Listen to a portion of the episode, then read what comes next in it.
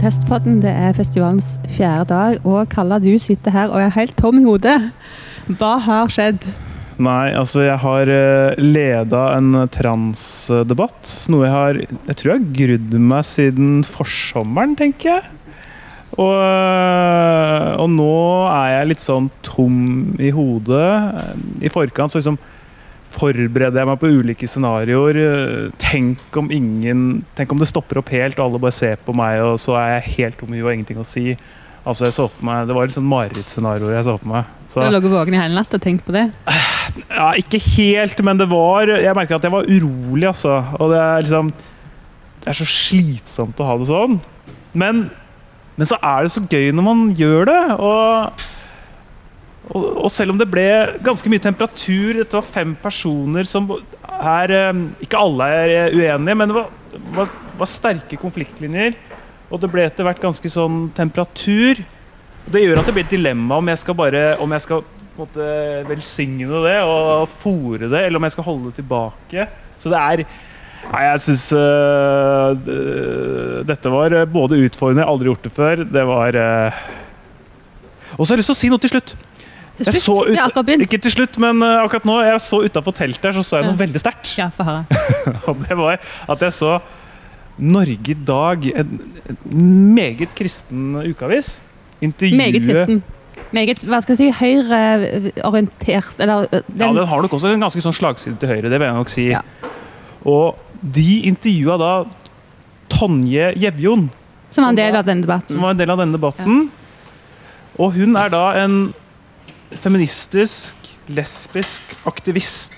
Så ser han journalisten da intervjue denne, denne damen. Det var Jeg har lyst til å ta et bilde og henge det opp på veggen. Det var så, det var, det var så uh, It blew my mind. Ja, for på en måte lesbiske eh, eh, feministiske aktivister er på en måte ikke, de har ikke nødvendigvis fast spalteplass i Norge i dag. Nei, det er jo klart at det kan jo, kan jo skje nå noen mirakler nå men, uh, etter dette her. Men uh, altså, for å være litt seriøs, ja. så er det interessant at, uh, at en del at, Kall det kristne og kristne kristenkonservative og en del feminister har nå fått et meningsfellesskap i ja. en litt sånn i det, det, det, klassiske synet på kjønn, da, med liksom at det finnes uh, kun to kjønn. Og... Ja, for det er det vi egentlig har snakket om i dag. Ja, ja. ja blant annet. Ja. ja. jeg har jo stått og sett på, og jeg kjenner jo at jeg er helt sånn svett. Eh, går, det, går det an å være svett i hjernen? Er det teknisk mulig? Det føles, det føles sånn. Fordi Vi har jo snakka om dette før, at liksom, hva som er konservativ og hva som er liberal. Det er liksom, begynner å bli ganske uoversiktlig. Og, det viste jo dette vakre bildet utafor teltet med denne Norge, og at, at, at, at Altså, Verden står ikke til påske, rett og slett. Ja. Og Nå skal vi gjøre det enda mer rotete og komplisert. For dette, vi har fått en gjest eh, i poden i dag. og Elisabeth Meling, som har vært en del av denne debatten tidligere i dag, du er jo transperson. Mm. Eh, og du er leder av noe som heter Skeivt kristent nettverk. Det stemmer. Men du ble ikke intervjua av Norge i dag? Nei. Og jeg er eh, nok ikke Jeg vet Det kan vi jo spørre hvorfor. Men jeg tror jeg vet svaret. ja, Hva tror du er svaret? Det var ikke, rett og slett ikke meningsfeller i dette tilfellet?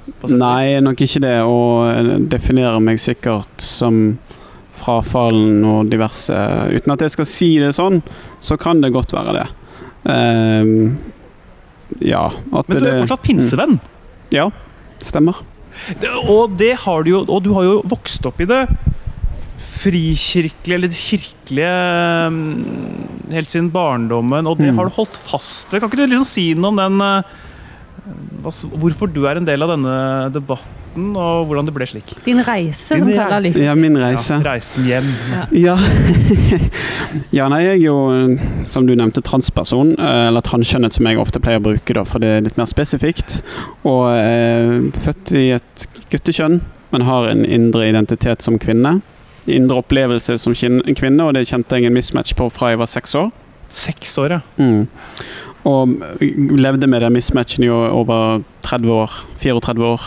Var det, var, det, var det, tydelig for deg at kunne du definere tidlig at jeg, jeg er en kvinne? Liksom? Eller var det Altså, dette var på, tilbake på 80-tallet. Ja. Da var ikke det så veldig kjent, og så var det ofte sånn at eh, de som var transkjønnede, de ble uttalt som freaks.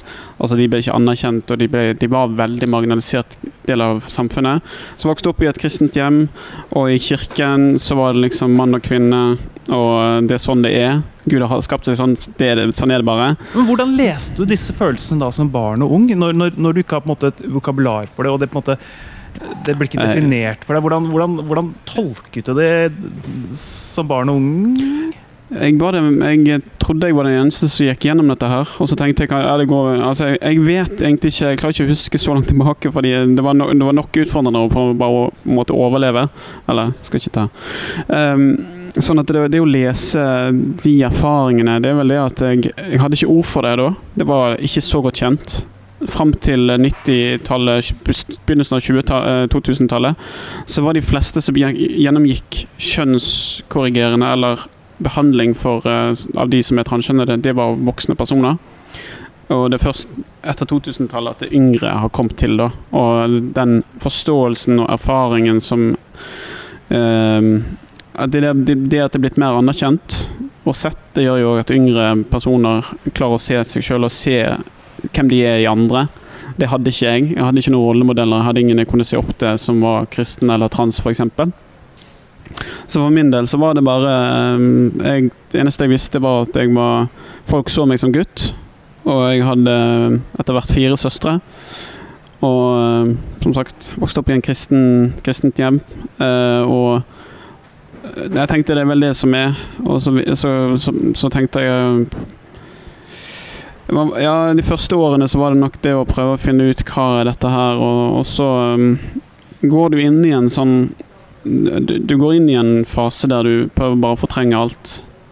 Du vet ikke bedre. Uh, kommer til et punkt der du på en måte kan ikke bare skape en egen Prøve å skape en egen sånn mannlig persona. Um, og det prøvde nok jeg, bare for å passe inn. Uh, men samtidig så var det hele tiden i bakhodet. Uh, men det var først når jeg var 12-13 at jeg hørte om andre som var trans. Eller sånn Som hadde da den samme opplevelsen.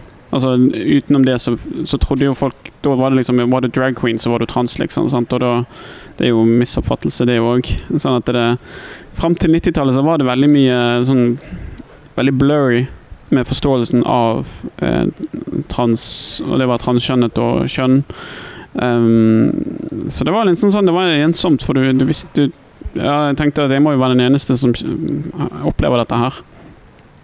Um, og så går det jo opp for en etter hvert, òg, spesielt når internett kom. Det var jo ikke internett, og sånn, så du visste jo ikke om det. Men når inter, internett kom, så ble det jo mer og mer liksom synlig. Ok, det, det er mer informasjon om dette her. Og da klarte jeg å sette ord på ting som jeg hadde kjent på. Men Ja, i, Ja. i møte med mennesker via internett og, og det du Eller leste, og informasjon som jeg leste. Nettopp. Mm. Så du vokste opp eh, med guttekropp, og så Mm. opplever du deg som jente. Mm. Kan du gi noen eksempler på det? Hvordan er, det? Eh, ja, altså det, det å på en måte um, Veldig enkle eksempler. da Det, det å gå i kjoler, f.eks. Og finne mine søstre sine kjoler og se meg selv som jente i speilet. Um, så visste, nei, Likevel så skjulte jeg dette her, da, for det var liksom noe som jeg visste Jeg skjønte på en eller annen måte at det ikke var så eh, akseptert, eller så for mye forståelse for det da. Eh, men det var, det var noe av det, og så har jeg jo tanker og liksom minner om der jeg ser kanskje mine søstre, hva de går med, og liksom hvordan det er, og, og skulle ønske at jeg var i deres situasjon. Eh, og liksom skulle ønske at det kunne være sånn at det, Altså det, det, det er enkle fortellinger her, da, men det, det, det, sitter, det, det å gå med kjoler, f.eks., er en måte å, å få uttrykt det indre. Um, og så skal man si at ja, men det er mange gutter som kan gå i kjoler, men dette her var noe som, som lå sterkt, da. Og så var det, det var en måte jeg kunne få på en måte eh, eh, synliggjort det for meg sjøl, da. Det må gå i kjola, liksom. Apropos det, jeg, jeg, det er jeg litt nysgjerrig på. For i retrospekt kan du jo skjønne at dette var en Jeg følte at jeg var kvinne, og det følte jeg tidlig. Mm. Men,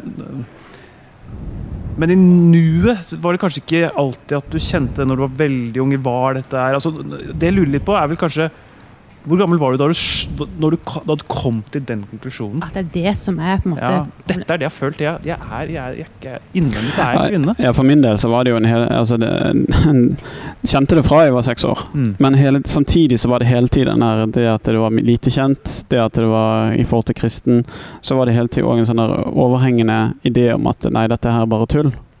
Sant? Så jeg klarte ikke helt å anerkjenne meg sjøl. Så, jeg, så jeg på en måte hele tiden kjempa med, med den kampen, da. Og, og så tok det lang tid, og, for det går liksom to strømninger. sant? Du har den, der, den erfaringen og erkjennelsen av å være kvinne som, og jente som er der i bunnen hele tiden. Og så er det en strømning som er over, der du, liksom, du skal passe inn i forhold til kjønnsrollemønster som, og forventningene som kristne, kristne, altså kirken har, sant? Og, og det som samfunnet hadde på den tiden. Skal du passe inn der, sant? og da prøver, du, da prøver du å følge den. Samtidig så er, under, så er det en understrømning som er der hele tiden. Så, men det, så, så eh, Altså en eksakt eh, alder der jeg på en måte visste 100% eller kjente på 100% klar, det, det, klarer, det kan jeg ikke si. Men jeg, eh, fra seks år så visste, jeg om en mismatch. Men klarte, det tok litt tid før jeg klarte å sette ord på det. Eh, men allikevel så kan jeg se tilbake til da, at det var da det var da jeg begynte, liksom. sant? Og så, så var det kanskje når jeg kom i tenårene at det ble mer obs for, eh, for da blir det mer Du erkjenner litt mer hvem du er, sant? og du blir litt kjent med kroppen, og spesielt puberteten. Det var veldig ubehagelig.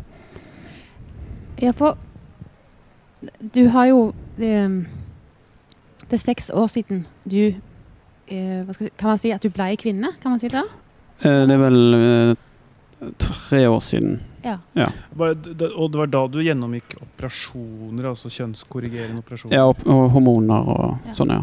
Mm. Og, hvilke, hvor, og da var du ganske voksen?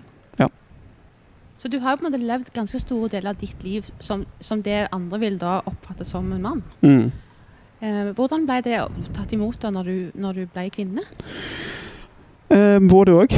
Eh, det var jo en, en eh, prosess for familien. Og, men har, eh, de har møtt meg med kjærlighet. Og, og liksom har gått, måtte gå deres reise. Um, og det å på en måte ha levd med å ha tro at man, man har én sønn av fem, liksom, fem barn. Og liksom, du har en sønn og tro på det og leve med det i 40 år, og så får du vite at nei, det var ikke sånn allikevel.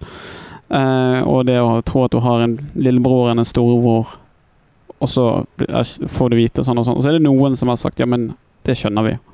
Det, det, det har vi sett noe av, liksom. Eh, så det, ble, eh, det var forskjellig i forhold til familien og sånn, og så var det med slekt. De skjønte at dette her var noe som satt, eh, lå veldig dypt. De, de forstår, folk forstår det mer kanskje når de skjønner at jeg har båret på dette lenge. Og i forhold til menighet og sånn, så og kristne venner, så opplevde jeg vel at halvparten forsvant. Og ikke ville ha kontakt lenger. Mens halvparten var veldig støttende og, og forsto at dette var noe som jeg ikke bare hadde valgt. Ja, når du nevner dette med menighet Én En ting er jo dette med, med, med kjønn. Mm. En annen ting er det med legning. Mm. Og du er jo tiltrukket av kvinner. Mm. Um, og, og vokste opp som kristen i en menighet eller et miljø som er ganske konservativt, der man jo da på en måte er programforplikta til å være mot homofili, Mm. så er det jo sånn- et merkelig litt sånn paradoks i at nå har jo du på en måte plutselig blitt lesbisk. Mm. Plutselig. ja, ja. Hvordan liksom Ja, det er en dobbelt konsekvense som er veldig Mm. fascinerende. Og Og hvordan takler du det, på en måte? Eller hvordan, hvordan blir det håndtert oppi dette? Ja, det er jo noen som ikke anerkjenner det, da. Sånn, At eh, de mener at eh, eh, Er du lesbisk, så er du kvinne, født som kvinne, tiltrukket av kvinner. Eh, så det er andre som anerkjenner min historie. Som I kristent nettverk, som jeg er en del av, der er det, ser folk det. Og, og jeg har alltid vært tiltrukket av kvinner. Og det som tidligere var helt naturlig, når jeg ble oppfattet som mann, oppfattes nå som unaturlig. Så du går på en måte fra den, en- den ene problemstillingen til den andre. Ja. Men vi har jo hatt en, en samtale i dag som eh, handler om dette med kjønn. Altså juridisk kjønn, biologisk kjønn, sosialt kjønn, Mm. kjønnsidentitet. Og det er jo på en måte Å forstå kompleksiteten i alt dette her. Ja. Eh, fordi at det er jo noen da som syns at det er veldig truende og, og, og problematisk at du hevde din rett til å være kvinne. Mm. Forstår du det? Og at det, ja, det syns jeg kanskje er viktig for å være Mm. helt fair. At, Ja. det også redus, at man opplever at det reduserer dems kamp. Ja, at, at det er en trussel for en del feministiske rettigheter. eller Mm. kvinnekamp. Det er jo trist hvis det er sånn, hvis man opplever det. det jeg tror jeg det er ingen, ingen av oss som er tjent med at skal, noe skal redusere kvinnekampen. Jeg, jeg vil jo kanskje Jeg tror kanskje problematiseringen man, man, eh, man ser det kanskje fra en annen vinkel, og ikke nødvendigvis fra de det gjelder. Og jeg ikke Jeg tenker det er mm, en sånn problemstilling som kanskje er litt den er, den er kommet litt sånn fra, på, på sidelinjen, kommet inn fra sidelinjen. Fordi at, fordi at transpersoner og transkjønnede har rettigheter, har mulighet til å ta, få behandling, få mulighet for å få den, den eh, anerkjennelsen i form av juridisk kjønn. Og så opplever man da at det er utfordrende og andre ting. Men eh, skulle vel ønske at man kunne se at dette her trenger ikke være motstridende. Ja, for det? For det er snakk om inkludering, det er snakk om aksept, Mm. aksept og likestilling. Ja, fordi, fordi vi, vi har jo noen praktiske Vi har jo snakket om det forrige dag også, at det er noen praktiske ting med dette. altså i forhold til Hvordan skal man eh, håndtere det og dusje sammen? Mm. Altså hvem, Hva er en mann, hva er en kvinne? Mm. Eh, det her er ting man praktisk kan løse. Mm. Um, Og hvis det ikke er et hvis det ikke er et kvinnelig kjønn, så er det vanskeligere å kjempe for det. For i hvert fall så slik jeg hører eh, motdebattantene Mm. dine, så, så, så er det så, så vil dere u... Er frykter de at man utdefinerer det kvinnelige kjønn? Og det, jeg kan forstå at det kan virke litt eh, At det kan ha en politiske og sosiale følger. ja, eller Mm. kanskje spesielt i forhold til Nå ble jo surrogati nevnt, f.eks. Ja da. reproduksjonsrettigheter. Er det så viktig på en måte dette med juridisk kjønn, hvis det er der det står og faller her? Går det ikke, går det ikke an å liksom møte hverandre litt? Og, Jeg, jeg, jeg føler mye av den debatten ofte blir redusert ned til liksom sånne eh, Nesten sånn bullet points, istedenfor å liksom se det store, det breie i det. Og, og så se liksom um, uh, Det med juridisk kjønn, f.eks. Før så var det sånn at du måtte bli kastrert for å få endra. Og da måtte du leve med at det sto i passet ditt to forskjellige navn. Du, hadde, du kunne velge at du ville ha både et mannlig og kvinnelig, og så måtte det stå en sånn en identifikasjonsfaktor. Sant? Og um, toaletter er én ting. Sant? Der er, har du privati det er privat, sant? at du kan gå inn i en bås, men det er veldig ubehagelig for når man uttrykker seg og liksom kler seg og, og ser ut som kvinne, og kanskje ikke har fått fullt alt på plass med operasjoner, men allikevel da skal måtte forholde seg til å gå på en herretoalett. Der, der, er du, der kan du risikert bli slått ned, f.eks. Og andre veien. At man blir eh, Og det er en ting med toalett, toalett en annen ting med garderobe. Og, men jeg, jeg opplever ofte at kan, vi reduserer problemstillingen veldig ned til at det liksom det er At det bare Hva skal jeg si Ja. At det, det, det, blir, det, blir liksom uh, vi, Litt sånn som det var nå kanskje på den samtalen, sant? at vi snakker litt forbi hverandre. Og så må vi lytte litt mer, og så må vi eh, se liksom OK, hvor Hvorfor opplevde du dette som et problem, og hvordan kan vi, møte, hvordan kan vi mø komme i møte for å, for å sørge for at ingen, dette ikke skal Altså sørge for at det- kvinnekampen ikke skal bli utvanna, hvis det er det man er redd for. da. Og det tror jeg ikke hvis man eh, Ja. Kan jeg skifte litt takt? ja. Mm. Eh, fordi jeg har jo Vi har jo begge da vokst opp i det, i det pinsevenske, som jeg nevnte i stad. Mm. Og det er jo noe jeg identifiserer meg fortsatt med. Mm. Og det er jo noe du identifiserer deg fortsatt med. Ja. Og det kan nok sikkert være et mysterium for eh, mange. Hvordan i all verden kan du gjøre det? Det at jeg identifiserer meg som pinsevenn eller med det pinsekarismatiske kjønn, eh, gudstjenesteuttrykket. Ja, og bruker ord som, konser ja, konservativ og Ja, Ja. det er interessant. Ja, altså jeg tenker jo at eh, for min del så er det, det er der jeg har funnet meg hjemme. I form av det gudstjenesteuttrykket som man har. I måten man Det er nådegaver, tungetale. Jeg har tungetale. Alltid hatt det. Ber det når jeg Ja, når jeg ber. Og jeg vet ikke, jeg har alltid liksom kjent at det, det er min plass. Uh, så har ikke det alltid vært plass for meg. Um, og så pleier jeg å si at jeg er konservativ, men har et inkluderende og anerkjennende syn på ekteskapet og eh, og, og samliv, og eh, f.eks. i forhold til transpersoner og de av oss som er transkjønnede. At uh, jeg tror, jeg trenger, det, trenger, det å ha et konservativt syn for eksempel, på bibeltolkning trenger ikke være en motsetning til å anerkjenne likekjønnede forhold og de av oss som, som faller, ut, faller mellom stolene når det gjelder i forhold til kjønn. Men det kan jo være helt umulig å forstå for Altså, et, Norge til å- i dag. ja, skal ikke, skal ikke henge ut de for altfor mye, men, men. Vi begge kjenner jo vår tradisjon. Mm. Liksom, Vi vet jo at det har vært en stor debatt i pinsebevegelsen i vår. Ja. Eh, teolog Tarjei Hegertun som har skrevet bok om dette. ja, men på tross av det, så er det jo Mm. i hvert fall en, en tradisjonell bibelforståelse her som er veldig sånn stoisk og tydelig. Mm. I hvert fall på disse liksom, seksuelle spørsmål Ja. eh, og kjønnsidentitet. At eh, Hvor er det jeg vil? Altså Du hvordan du synder du, mot skaperverket. ja, hvordan får du liksom skjønner- Det er nesten litt vanskelig for meg å forstå hvorfor du er en del av dette fortsatt. Og fordi når definisjonen er så tydelig i pinsebevegelsen på sett og vis.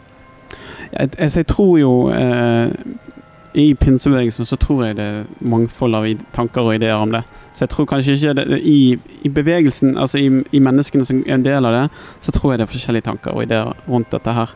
Så jeg, jeg, vet at det er mange i pinsebevegelsen som òg ønsker å inkludere likekjønnede parforhold i, menighet, men, menigheten og anerkjenne det. Og at de ønsker å ha en mer inkluderende holdning overfor de av oss som er trans, og som har enten kjønns, opplevd kjønnsinkongruens, eller som har identifiserer seg som kanskje ikke-binær. Og ja. Og at det, ja, at det Og jeg, jeg tenker at det å, å anerkjenne de tingene trenger ikke gå trenger ikke gå på bekostning av å å på en måte betrakte seg som konservativ. Hvorfor ikke? Nei, for det, det har litt med måten Altså, det å tolke Bibelen sant, i lys av sin samtid, tror jeg er det mest konservative. Eller riktige måten å lese Bibelen på. En sånn, eh, og, og det å bare ikke bare kaste ut det som står, sånn som ofte kan kanskje oppleves i enkelte liberalteologer f.eks., som sier at nei, men det forholder vi oss ikke til. Så nei, det er en grunn til at det ble skrevet, men vi må på en måte se det i lys av sin samtid, tenker jeg da. Nå ble det veldig mye nerdeprat her. Nei, dette er veldig spennende. Vi har jo snakket om det allerede. At vi, vi leser jo Eller vi, vi sitter jo her og, som oss, og med Mm. vår historie og bakgrunn. Og så er jo dette en viktig del av din historie, så Ja, det er jo veldig naturlig å spørre om akkurat den biten der. Men jeg lurer fortsatt litt grann på um, f.eks. pride, da. Mm. Um, og det er på en måte som ligger kanskje litt i tiden for at, eh, at politikerne må være med i pride og stille opp i pride. Og hvis ikke man gjør det, så er man på en måte konservativ eller mørkemann eller bakstreversk. Mm. Uh, hva syns du om det? Altså, jeg, jeg tenker at vi skal ha respekt for hver- hverandre og en, en sine meninger. Om noen men- politikere ikke er så glad i å gå i pride, så må vi ha respekt for det. Og det finnes LHBT-personer som ikke er så glad i pride. Litt i, på, litt i forhold til hva det kanskje noen plasser har blitt. Og andre plasser, altså Generelt sett så tror jeg eh, det er, det er noe som er blitt haussa opp, og så er det noe som er misforstått. Men jeg tenker vi uansett vi må bare respektere at folk har forskjellige tanker om pride.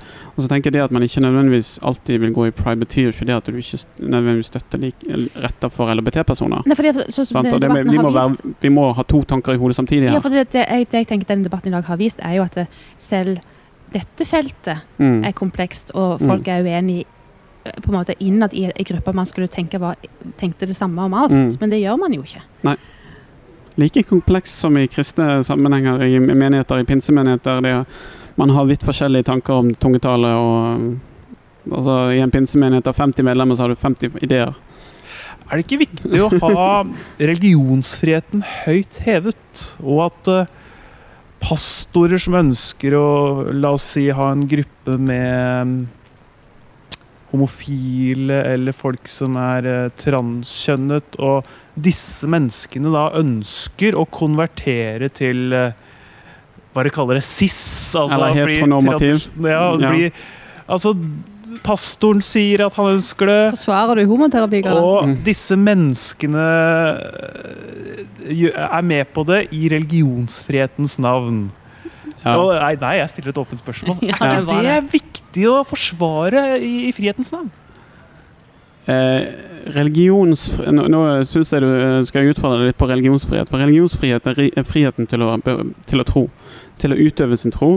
Og liksom å fortelle om andre om sin tro. Det er religionsfrihet. Men er ikke dette en måte å utøve? Konverter konverteringsterapi er ikke eh, religionsfrihet. Konverteringsterapi er jo en handling som er til for å få noen til å passe inn i en viss forhåndsdefinert forståelse. Og det er jo handlinger som er for å prøve å endre ens legning. Og det å bruke religionsfrihet som et argument for å støtte det, det kjøper jeg ikke. For jeg har òg religionsfrihet. Jeg har òg friheten til å tro. Og en, eh, en persons tro, trosfrihet stopper der det begynner å skade andre. Så når vi vet at konverteringsterapi er skadelig, så, så, så, skjønner jeg, så støtter ikke det scenarioet eller den det, um, at det, skal være lov å ha konverteringsterapi bare pga. trosfriheten. Trosfriheten er for din rett til å mene og tro noe. Det å begå en handling er noe annet. Kan ikke det redusere Hvis hvis grensa skal gå ved det å skade andre, så kan man Da blir det vanskelig for pastorer å forkynne veldig mange temaer, fordi det kan jo lande feil hos noen. Jo, men da må vi, ha, vi må ha, være litt edruelige her. Sant? Det, det, det å ha, for I fjor så var det en diskusjon i forhold til hatefulle ytringer. Og det er noen som uttalte at eh, hvis man skulle inkludere seksuell orientering og kjønnsidentitet i, i straffeloven som et verne, en verne en gruppe, så, så ville det bli en sånn pastorlov. Der pastorer kunne bli straffet bare ved å for eksempel forkynne Guds ord. Og liksom jeg tror at det blir sånn og sånn. Jeg føler igjen Altså Vi må være litt edruelige her. Jeg føler at man eh, tar og går litt på viddene. Man, man blåser det opp som en sånn stor sak. Og, sier, nei, og det sa jeg Jeg var med på høringen. Jeg satt klart og tydelig at dette her går ikke mot religionsfriheten. For du har fortsatt lov til å uttale sånn Altså at du tror at det fins bare mann og kvinne. Du har fortsatt lov til å mene det. Men det å på en måte få um, At det skal brukes som et argument mot trosfriheten At eh, Altså Det er en ting å si at jeg, jeg tror det bare er mann og kvinne. En annen ting er å gå til en transperson og si 'gå og drep deg'. Du er disgusting, liksom. Og det å, å utøve psykisk vold, det er noe annet enn å si at jeg tror det bare finnes to kjønn.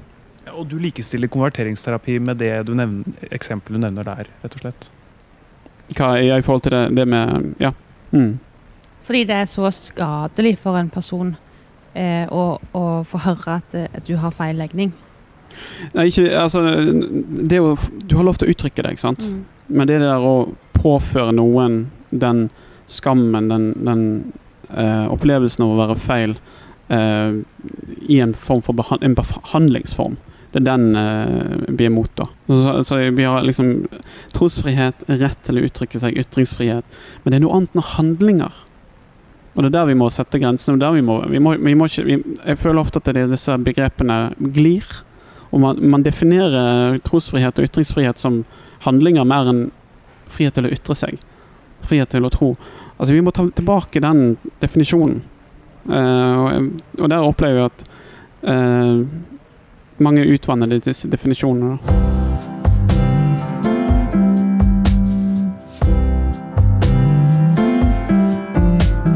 Nå har vi fått en ny gjest. Vi, er fortsatt litt sånn slitne Karla, etter denne debatten som har vært i dag. Kanskje den til nå heftigste debatten som har vært på protestfestivalen, syns jeg. da. Og det er jo et kompliment til, til alle som har vært med, at det er sterke følelser dette og sterke meninger. Og så klarer dere likevel å møtes og, og stille opp og, og ta debatten.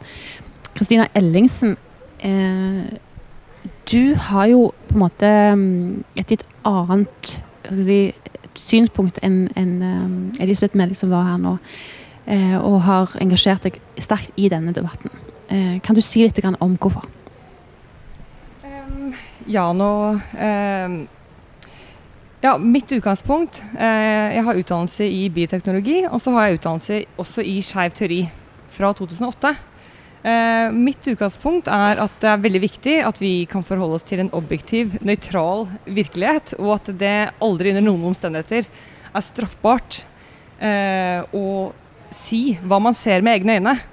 Eh, og det som bekymrer meg med kjønns- og transdebatten, er at eh, begrepene eh, kjønn Og kjønnsidentitet har blitt eh, eh, satt, Det har blitt satt likhetstegn mellom definisjonen av kjønn og definisjonen av kjønnsidentitet. Eh, og det er to kategorisk forskjellige klasser av typer ting. Altså, kjønn er en eh, biologisk mekanisme for reproduksjon. Det er en objektivt målbar, eh, uforanderlig egenskap som er helt essensiell for arten Homo sapiens. To kjønn, mann og kvinne, that's it, liksom. Ja, og det gjelder jo ikke bare mennesker. egentlig. Det gjelder jo hele det multicellulære dyreriket. Altså, det gjelder eh, alle organis organismer som reproduserer seksuelt. Det er det kjønn er. Kjønn er forskjellen på menn og kvinner. Eh, spesifikt ved at eh, eh hunnkjønn har potensial for å produsere ova, eh, og hannkjønn har potensial for å produsere sperm. Det er det det er, og det er på å si verken mer eller mindre. Eh, resultatet av at vi har de to kjønnene, er at eh, evolusjonært så er det hunnkjønnet som møter all risiko i forbindelse med reproduksjon. Og for mennesker så inkluderer det kulturelle, økonomiske, juridiske og fysiske faktorer. Eh, som kvinners rettigheter har blitt utforma for å motvirke.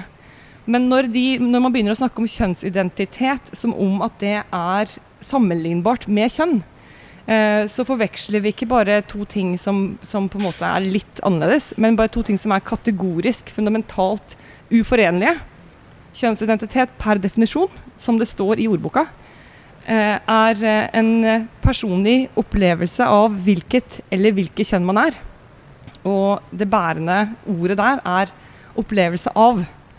Så det er en subjektiv oppfatt, oppfattelse av noe og skal selvfølgelig ha vern på en eller annen måte, men det kan ikke sammenlignes med vern basert på objektiv øh, virkelighet. Og, og Det syns jeg er interessant. Så, så, det store problemet er at man gjør kjønn til en sosi, litt sånn sosial konstruksjon. At, at uh, istedenfor å bruke et annet begrep, altså, så, så, begynner man å blande korta der. om jeg forstår det rett. Og at, man, at, liksom, at kjønn egentlig er mer et sånt mattestykke som bare er sånn. Altså to pluss to er fire. Altså kjønn, det finnes to kjønn. Altså, det, er det ja, det som er på, på, norsk så har vi jo ikke et veldig godt ord for gender. På engelsk så har man jo uh, eh, utforma det begrepet gender, som refererer til sosialt kjønn. Uh, og det er, en, det, er, det er, brukt mye i uh, forbindelse med menneskets rettigheter for å peke på at en del av de strukturene og kulturene og vanene vi har, og, vi, og, egenskapene vi tilegner menn og kvinner, at de er sosialt konstruerte. Og i forbindelse med FNs eh, kvinnekonvensjon og arbeidet for likestilling, så handler det mye om å identifisere skadelige sosiale kjønnsstrukturer for å fjerne de. Eh, problem, en av problemene med den størrelsen kjønnsidentitet er jo at hvis du ikke lenger legger biologisk kjønn til grunn, så har du egentlig ikke noe annet å forholde deg til enn nettopp de stereotypene som eh, i forbindelse med kvinner, da, kvinners rettigheter, har gått ut på å fjerne. Men det vi da i stedet ser, er at de negative, skadelige forventningene om at menn og kvinner skal være sånn eller sånn, at det nå gis et, eh, at det gis et diskrimineringsvern på bekostning av kvinner og jenter jeg er liksom Bare få skifte litt takt. Den, jeg er litt sånn interessert i liksom motivasjonen og, og in, at, du er, at, du har involvert deg i dette. For, fra avstand så kan jeg liksom tenke Er det verdt det? Liksom for, for um, hvert fall for, for, en som ikke kjenner så godt til debatten, så kan det virke som litt sånn nyanser. Uh, som Og hvor kostnadene virker høye, da. Ved å uh, Når det er snakk om liksom, Kan det virke som nyanser? Hva, hva, er det som motiverer deg her, og hvordan liksom ble det slik? Eh, vel, det som skremte meg på et tidspunkt For jeg har jo, jeg har jo vært, alltid vært sympatisk mot transaktivisme, eller sånn fremtiden, og vi må utvikle oss, og vi må gi rom til alle. Men det som skremte meg, var det jeg forsto, hvor bokstavelig talt veldig mange tolker eh, eh, at kjønnsidentitet og kjønn er det samme. Eh, og de konsekvensene det får, spesielt for unge mennesker. Hva da, f.eks.?